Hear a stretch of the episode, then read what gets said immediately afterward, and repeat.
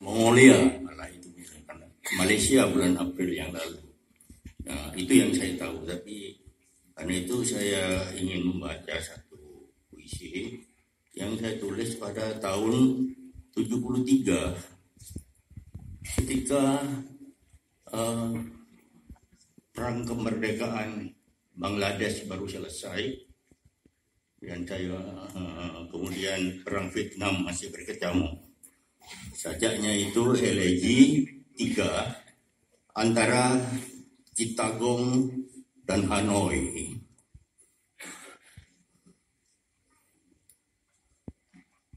Aku harap kau mau meraba bulu-buluku yang gemetaran di tangan dan mencium kening yang berdarah sebelum pergi dengan kain dan rambut terseret katanya. Tamu asing itu menghilang di pagi subuh dan meninggalkan hotel ketika musik membuai kota yang mati. Kami tahu ia akan datang di malam hari dengan sepatu yang tua dan kemeja yang kusut dan melemparkan surat kabar ke atas meja. Pelancong yang sedih, pemabuk yang sunyi telah menyewa kamar hotel dalam perjalanannya dengan tujuan tak pasti ke kota ini. Di mana peluit kapal sepanjang malam bermimpi dan penghuninya harus mengungsi ke seberang pulau yang penduduknya binasa. Antara Cittagong dan Hanoi, kami telah berjalan sekian ribu mil lewat kesepian dan masa kanak-kanak dan hidup penuh dengan impian gemilang. Seraya menyanyikan sajak lipo dan kata-kata Iqbal. Tiongkok dan Arab adalah tanahku. India semua malahan juga tanahku. Antara Cittagong dan Hanoi, kami telah berjalan sekian ribu mil mengawasi Gangga dan Yangtze. Lewat pintu kereta masa silam, di mana tembok raksasa dan Borobudur didirikan.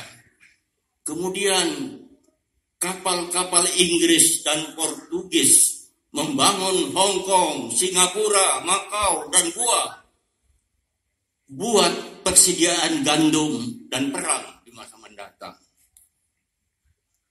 Mari kita tinggalkan kota yang buruk ini dan cium keningku yang berdarah sebelum kau pergi dengan gelisah dan kepala yang penyap karena impian katanya. Lalu menghilang di pagi subuh dan meninggalkan hotel yang tiba-tiba sepi karena musik tidak berbunyi. Kami tahu ia akan datang malam hari dengan samurai dan jubah seorang darwis yang di tangan kirinya memegang kitab Pararaton memandang kita dengan masai. Di luar kami dengar kuda timur leng dan orang-orang berteriak mengatakan bahwa perang sedang berkobar di sebuah kota. Dan seorang perempuan bermata sipit membelalak muncul di pintu dan berkata bahwa ia keturunan dewa. Kami tahu ia akan datang di malam hari dengan kalimat-kalimat Iqbal dan mengucapkan mantra kepada istana-istana tua yang para penjaganya telah membeku jadi arca-arca batu. Dengan kanak-kanak yang sepanjang jalan menyanyikan nenek moyangku orang pelaut dan harus mencari negeri yang baru. Terima kasih. Saya.